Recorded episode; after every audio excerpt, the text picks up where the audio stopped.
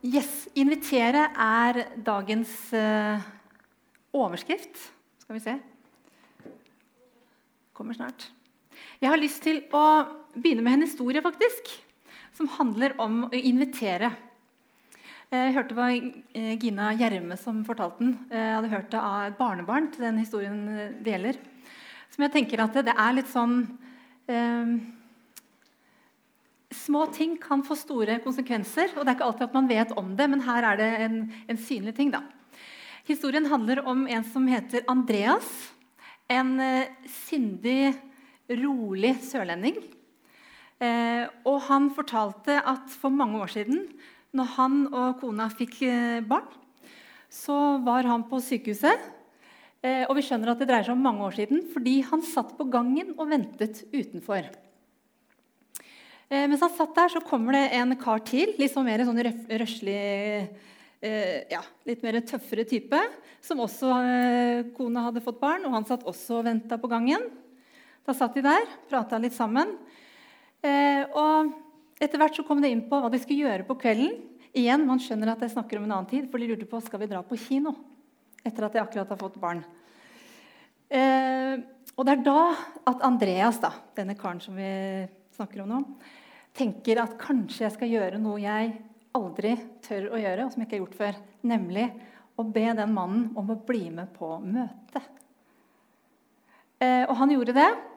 Pinsemenigheten i Flekkefjord, tror jeg det var. Og til sin overraskelse så sier denne andre mannen ja. Og han bare OK. Og de drar på møte. Lang historie kort. Den mannen blir sånn klassisk frelst og løper omtrent flyvende ut da, fra den møtet den kvelden. Og ut ifra den sindige, rolige sørlendingen så, så, så han bare han rope 'Halleluja!' nedover bakkene. Og han tenkte 'Hjelpes meg! Hva skjedde nå? Hva, hva, hva, hva har jeg gjort?' liksom. Men det var så utrolig sterkt for den karen. Den mannen heter Arild. Den mannen som ble frelst den kvelden, heter Arild Edvardsen. Et kjent navn, tror jeg, for mange. En av Norges mest kjente evangelister, eh, og som har er det 200 millioner eller noe sånt nå, eh, seere, lyttere av TV-sendingene og radiosendingene over hele verden. En mann som har betydd mye for oss i Norge, men også mye for verden og for evangeliet. Og jeg tenker Det er en fin sånn start å tenke på. Vi vet om det nå, betydningen av den lille invitasjonen, fordi Arild Edvardsen er en kjent mann. Men jeg tror det er mange sånne små, og dere som har vært her en del, og som kjenner meg, sier gå på de huncha. At man våger de små tingene, den lille hverdagsgreia. Så man tenker, man sitter på den gangen, man venter, man kjeder seg. Hva skal vi gjøre? Og den, liksom den Skal jeg gjøre det? Den lille, lille Jeg tror det er en, på en måte en hilsen, en innskytelse fra Den hellige ånd. Gå på det. Så kan det få konsekvenser man ikke vet om. Så det hadde bare lyst til å være sånn anslag fra, i starten her for det som jeg skal snakke om. Invitere. Vi begynner nå en, en serie. Vi skal ha temaer nå den høsten her. Eh, som er rundt det med Inspirekirken. Eh, hvorfor vi har kirke, hva er det på en måte som ligger eh, i, i vårt fundament, da, våre formål. Og Da har vi hengt det på bokstavene I-N-S-B-I-R-E. Og I dag begynner vi med I for invitere. Vi vil Skal skal bare legge den her. Sånn. Tenkte bare én mikrofon. Vi ønsker å invitere mennesker til å følge Jesus, til å møte ham, til å følge ham, så ønsker vi å invitere folk til å finne et hjem, finne sin kirke, sin familie. Og så ønsker vi, som vi gjør i lovsangen her også, å invitere Guds nærvær.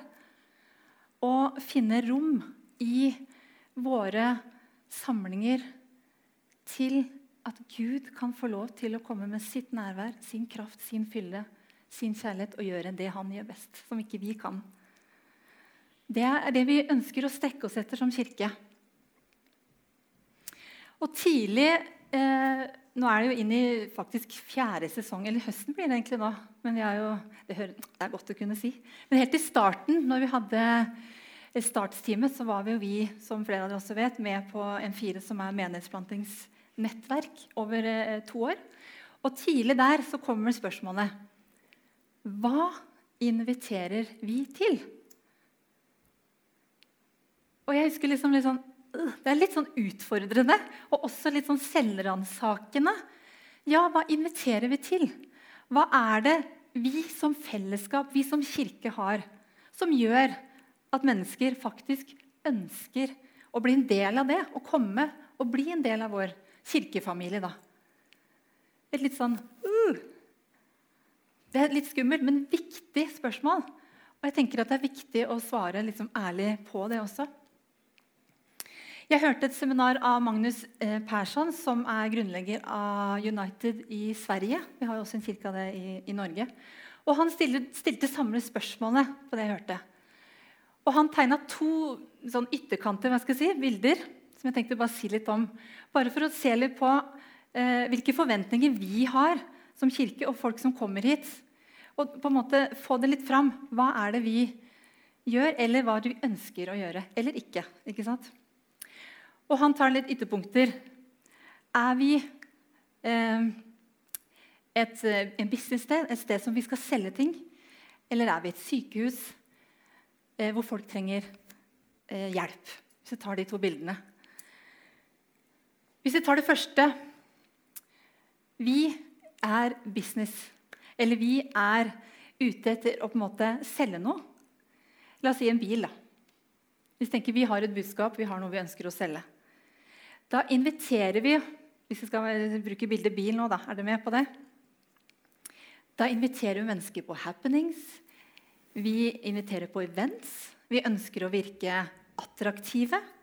På både de gamle, men også altså de som har bil, men også de nye som kan tenke seg kanskje å lukte litt på det. Skal jeg skifte merke, tro?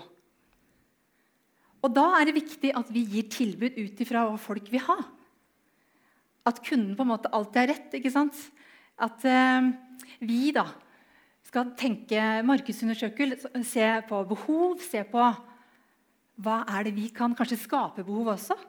Fordi at vi har noe vi ønsker at folk skal konsumere. Da er det kjempeviktig, kjempeviktig hvordan vi presenterer ting.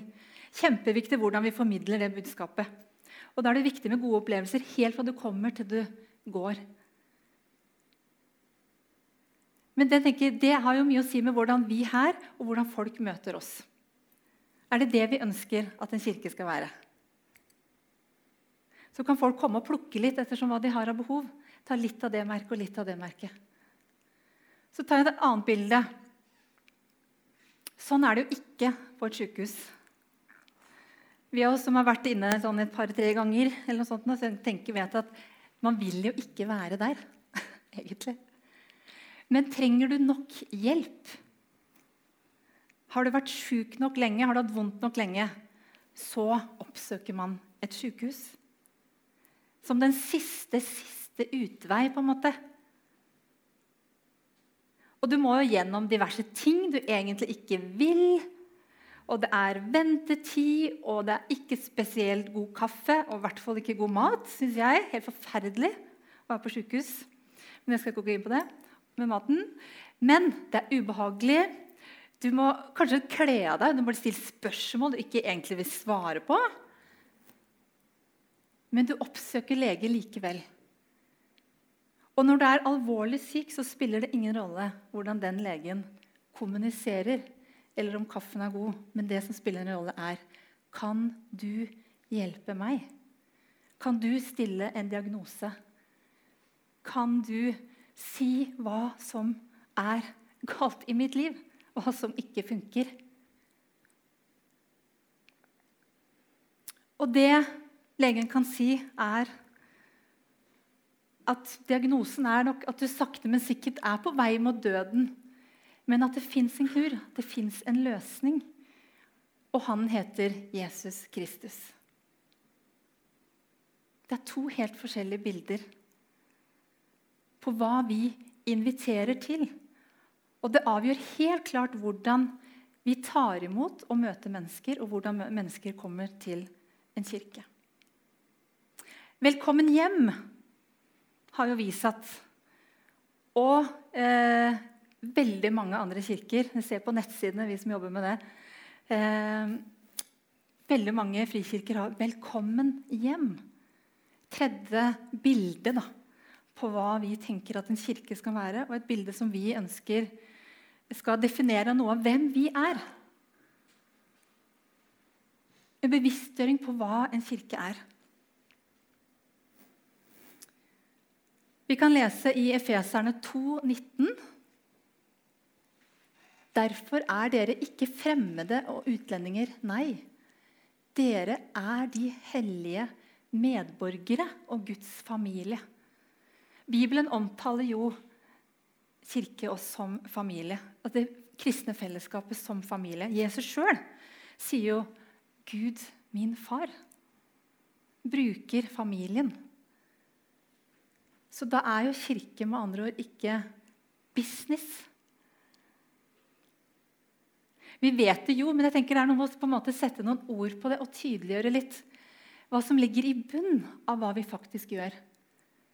Gud ser ikke etter ansatte. Hvem som kan ha, bidra med bra ting her i denne bedriften. Han ser etter sønner og døtre. Han ser etter sin familie. Han ser etter de bortkomne, han ser etter de som alltid har vært der. Han ser etter den enkelte én og én. Fordi de tilhører han.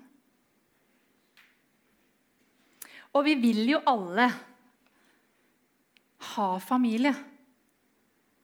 Men det er ikke så alltid så lett å leve det ut. Hvordan ser det ut, da? Hvis vi tenker at kirke er hjem, hvordan ser det ut? Kirken er et hus, et hjem. Da er jo du ikke kunde her. Eller konsument. Eller kan komme og si 'jeg vil ha det', og så plukke og gå videre. ikke sant? Vi er et hjem. Og jeg tenker Hvis jeg hadde tenkt at jeg liksom, når jeg er hjemme nå, at jeg liksom på en måte er på en restaurant og så tenker jeg, nei, jeg vil ha det, kan ikke du hente det, kan ikke vi ordne det, jeg liker ikke den maten. Ikke sant? At man på en måte sitter og krever ting ikke sant? ut ifra en konsumentbehov. Det er jo ikke sånn det funker hjemme. Hvis du ikke er fornøyd med maten, da får du finne deg noe annen mat. på en måte. Da går i kjøleskapet, og så og sammen kan vi godt finne ut av menyen, men vi kan ikke ha pizza hver dag. selv om du har lyst til det, eller Vi kan ikke ha... Vi som familie må finne ut av hvordan det ser ut. Og som foreldre har liksom en skute vi styrer der i forhold til retning. Det er liksom, Hvis det trengs å ryddes og vaskes, så hjelper det liksom ikke så mye å si til sine barn du skjønner, mamma er pastor, hun. så hun kan nok ikke vaske i dag. Eller pappa han driver med investor. Han ja, jobber med å skaffe ganske mye penger. så det, det, går ikke. Pappa kan rett og slett ikke vaske opp. altså.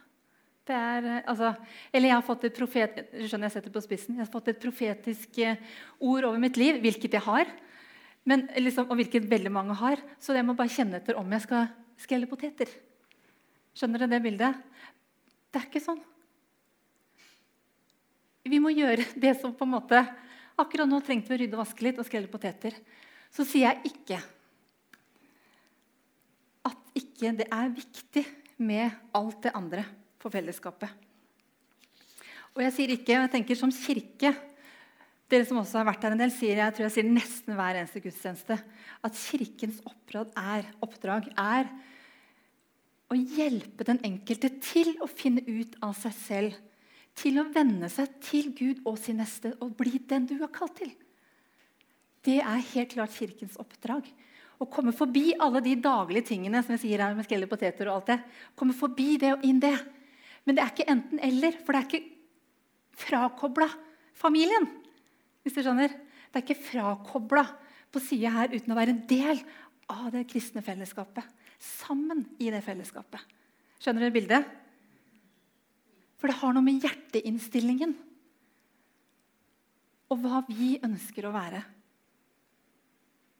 Og ja, det er kjempeviktig når jeg maler bildet i starten her om at vi skal ha gode opplevelser. tenker jeg Som familie så viktig å være på, Jeg liksom elsker jo når jeg får være sammen med familien min, dra på turer, ha gode opplevelser sammen. Kjempeviktig. Spise sammen, gjøre ting sammen.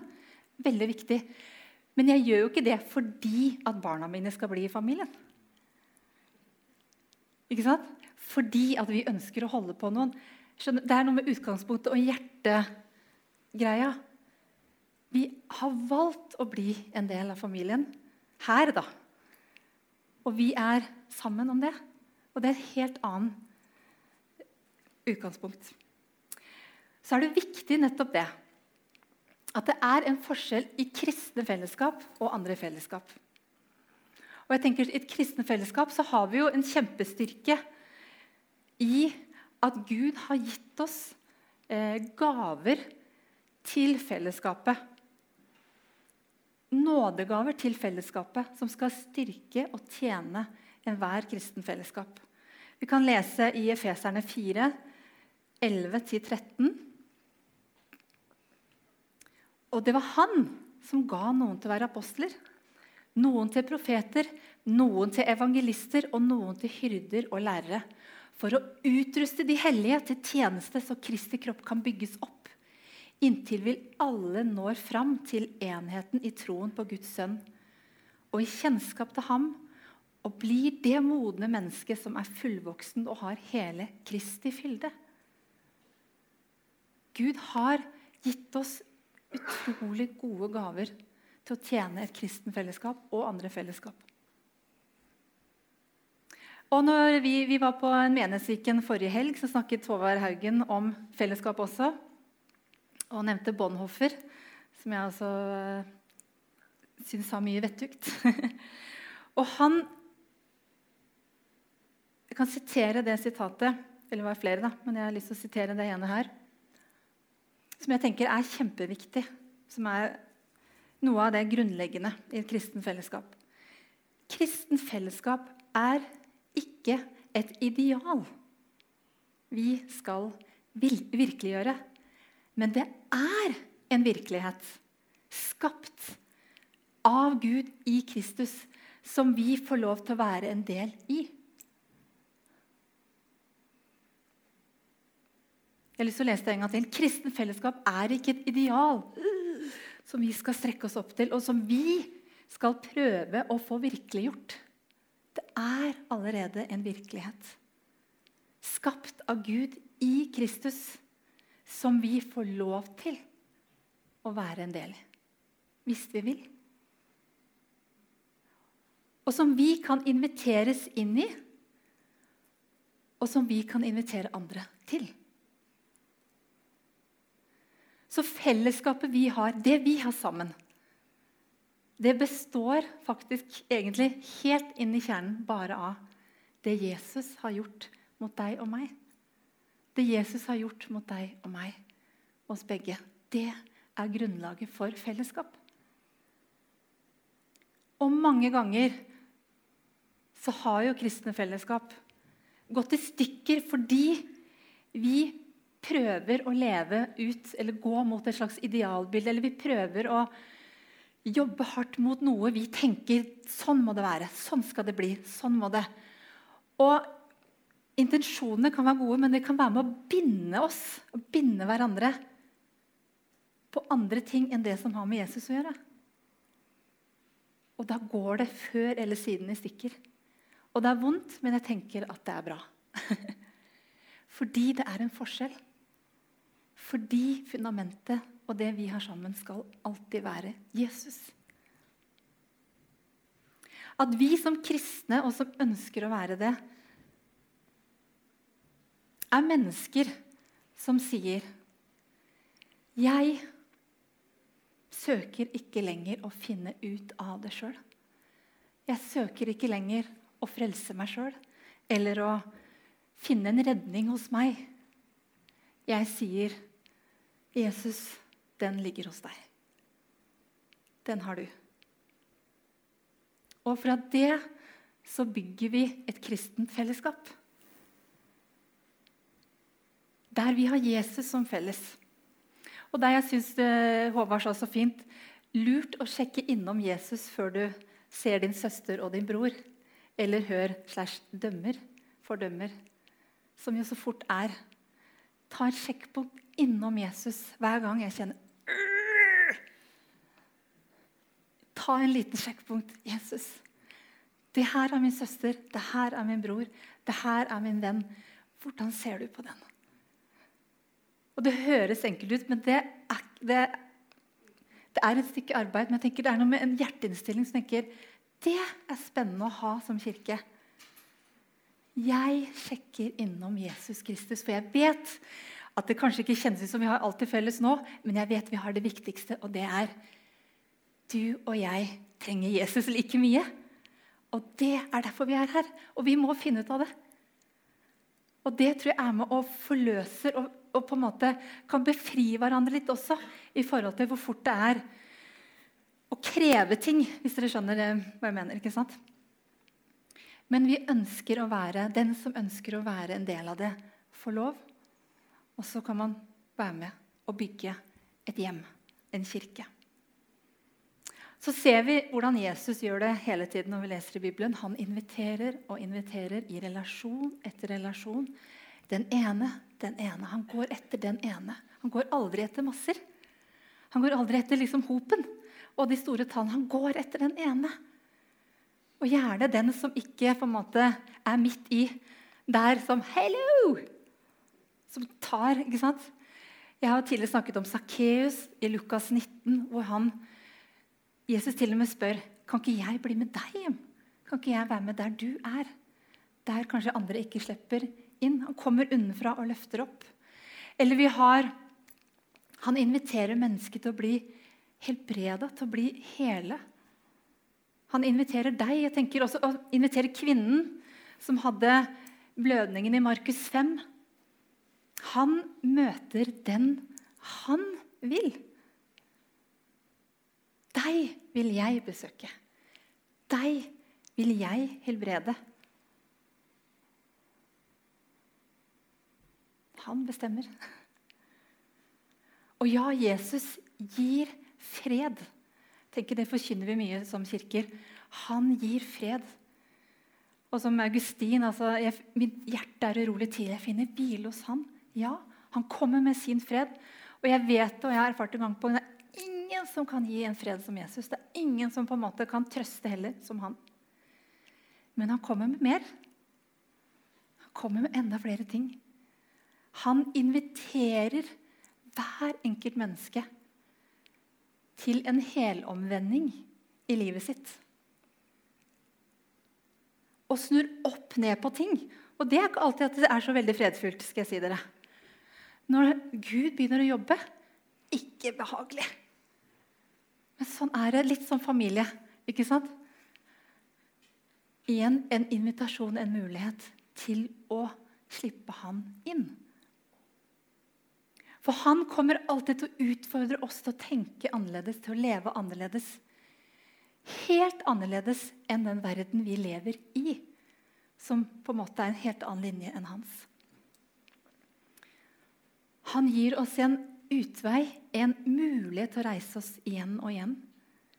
Gjennom sin nåde. Et sånn litt sånn lite slitt ord som har, liksom, øh, lyst til å sprenge litt. For han skaker livene våre gjennom det han gjør med sin nåde. Ikke det at han på en måte ser gjennom fingra ja, det er så greit, det er så fint. Nei, han sier til og med i Johannes 14, vers 6.: Jeg er veien, sannheten og livet, og ingen kommer til Faderen utenom meg. Han er klar og tydelig.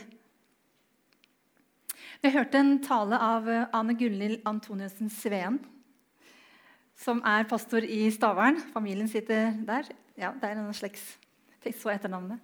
Det var så bra. så dere, Jeg var på Frikirken. Det ligger som podkast der. Anbefaler den. Hun snakker om nåden og, og, det Jesus har gjort. Veldig, veldig bra. Og hun sier nåde. Hør nå, hva er nåde? Hva er det Jesus gjør? Jo, han går inn i det vanskeligste. Inn i det vondeste det kaldeste, det fjerneste, og sier, 'Dette angår meg'. Her blir jeg. Her, inn her, kommer jeg. Helt motsatt. Helt motsatt. Og han sier, 'I det mørket skal jeg komme med mitt lys og min løsning'. Her må vi bli litt. Det er ikke alltid like greit, men her blir vi. Og I Johannes 8, vers 12 så står det Han sier, 'Jeg er verdens lys'. Den som følger meg, skal ikke vandre i mørket, men ha livets lys. Det inviterer Jesus oss til. Den enkelte du, du, du. Og det kan vi som kirke også invitere til. En Jesus som er der, og som sprenger og skaker våre liv. Og han som inviterer, er så mye større, så mye større enn det du og jeg prøver å forstå. Og vi mennesker, og jeg kan jo bare snakke for meg sjøl igjen Det er så behov for å liksom putte i bås og kategorisere og finne ut av ting. For hvis han er sånn, da skjønner jeg hva tro er. Eller hvis det betyr sånn, ja, da kan jeg kanskje fatte litt mer hvordan Gud kommer. For han kommer sånn da og sånn da. Og så prøve å finne ut av ting, for da er vi litt tryggere. og da er vi litt sånn, ja, da skjønner jeg troen litt mer. Da forstår jeg Jesus litt mer. Men hver gang vi tenker 'Hvilket lag er Jesus på?' Hvilket politisk parti tenker han ville stemt på? Hvem ville han heia på? Kan vi kategorisere den? Kan vi klare det? Klart, Det er ingen tvil om eksempel, at Jesus var på lag med de svake. At han dro de som var utenfor, inn og sa Kom deg inn i sentrum igjen i fellesskap. Ta imot meg og menneskene rundt. At han som Gud og menneske kom og var helt motsatte av andre guddommer, nemlig at han kommer unnenfra og løfter opp, ikke ovenfra og trykker ned. Men hvis vi sier at han bare var på lag med de svake, så kan vi jo bare lese Matteus 8, hvor han møter offiseren som trenger hjelp fordi tjeneren holder på å dø. Og han sier, 'Jesus, bare ett ord fra meg, fra deg, under din kommando, så kommer det til å skje.' For jeg sjøl er under kommando, og jeg sjøl er over kommando. Så jeg vet at hvis de sier 'gå', så går de. Han representerte jo ja, fienden, vil jeg si. I hvert fall overmakten. Han var sterk, han var i posisjon. Han hadde Ikke sant? Han var det helt motsatte. Og jeg tenker liksom disiplene ja, nå kommer han endelig, Jesus. Nå kan du vise at du er på det svake slag. Og nå skal du sette han offiseren på plass en gang for alle. For nå har vi sjansen til å ta han som er over makt, han som trykker det meg og oss ned. Han er jo i hvert fall ikke på lag med oss. Jesus. Hallo! Og hva er det Jesus gjør? Vet du hva han til og med sier? En sånn tro som du har, har jeg ikke sett hos mine.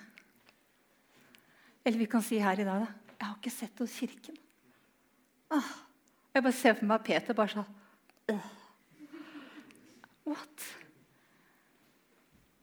Jeg tenker bare Den setningen sier så mye om Jesus. Hvor og altså hvor utrolig annerledes han er enn jeg tenker at han er. At du tipper jeg, da. Det kan dere tenke videre om det. Men det er så fort å bare sette den inn, og så kommer Jesus. Og det vi møter på der Neimen, i all verden.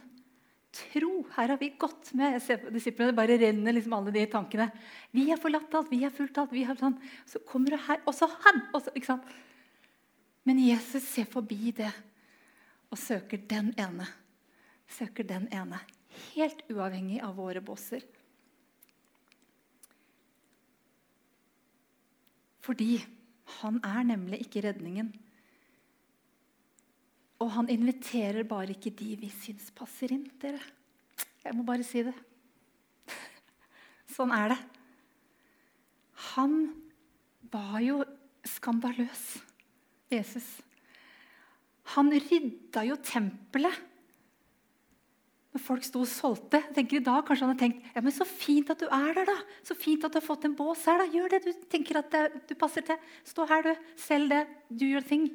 Han kasta det ut og sa dette er et bønnens hus. Det er ikke lov. Her er et hellig sted. Tjo!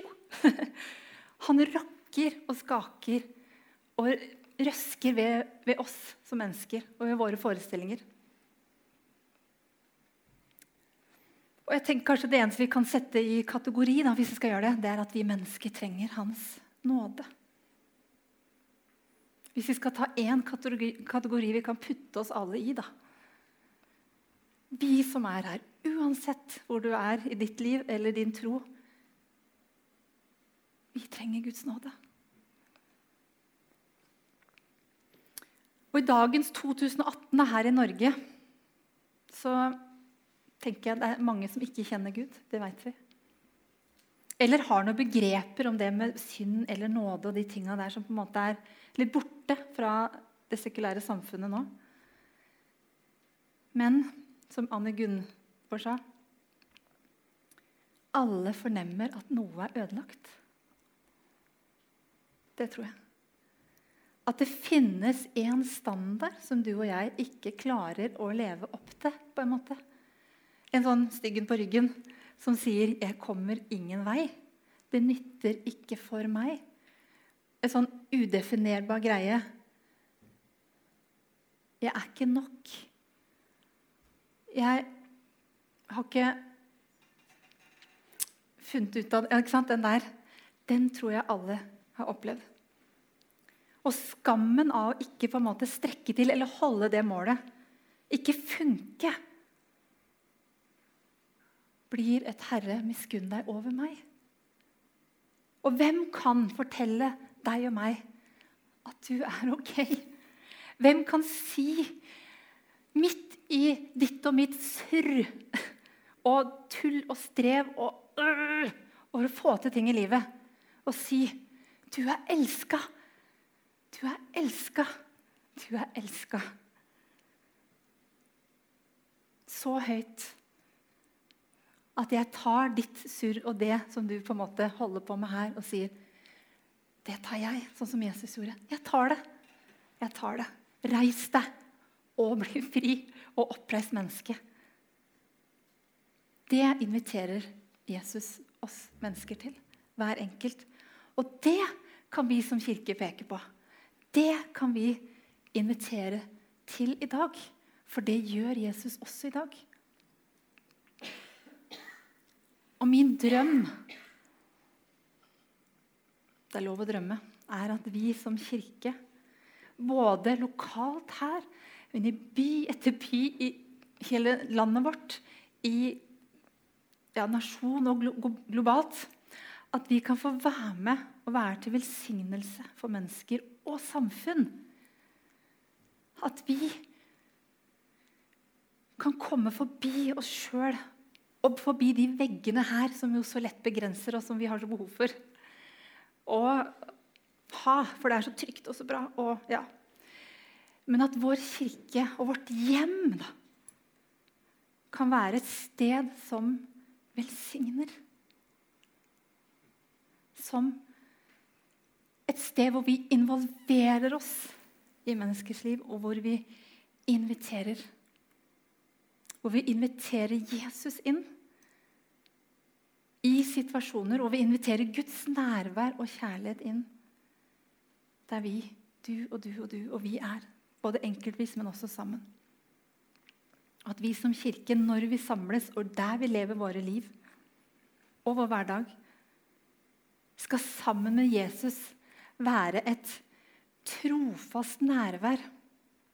Jeg var på Skaperkraft en sånn frokost som snakka om der du er, uansett hvilken posisjon du har i samfunnet, der du er, er Jesus et trofast nærvær av Gud, av hans liv og hans håp.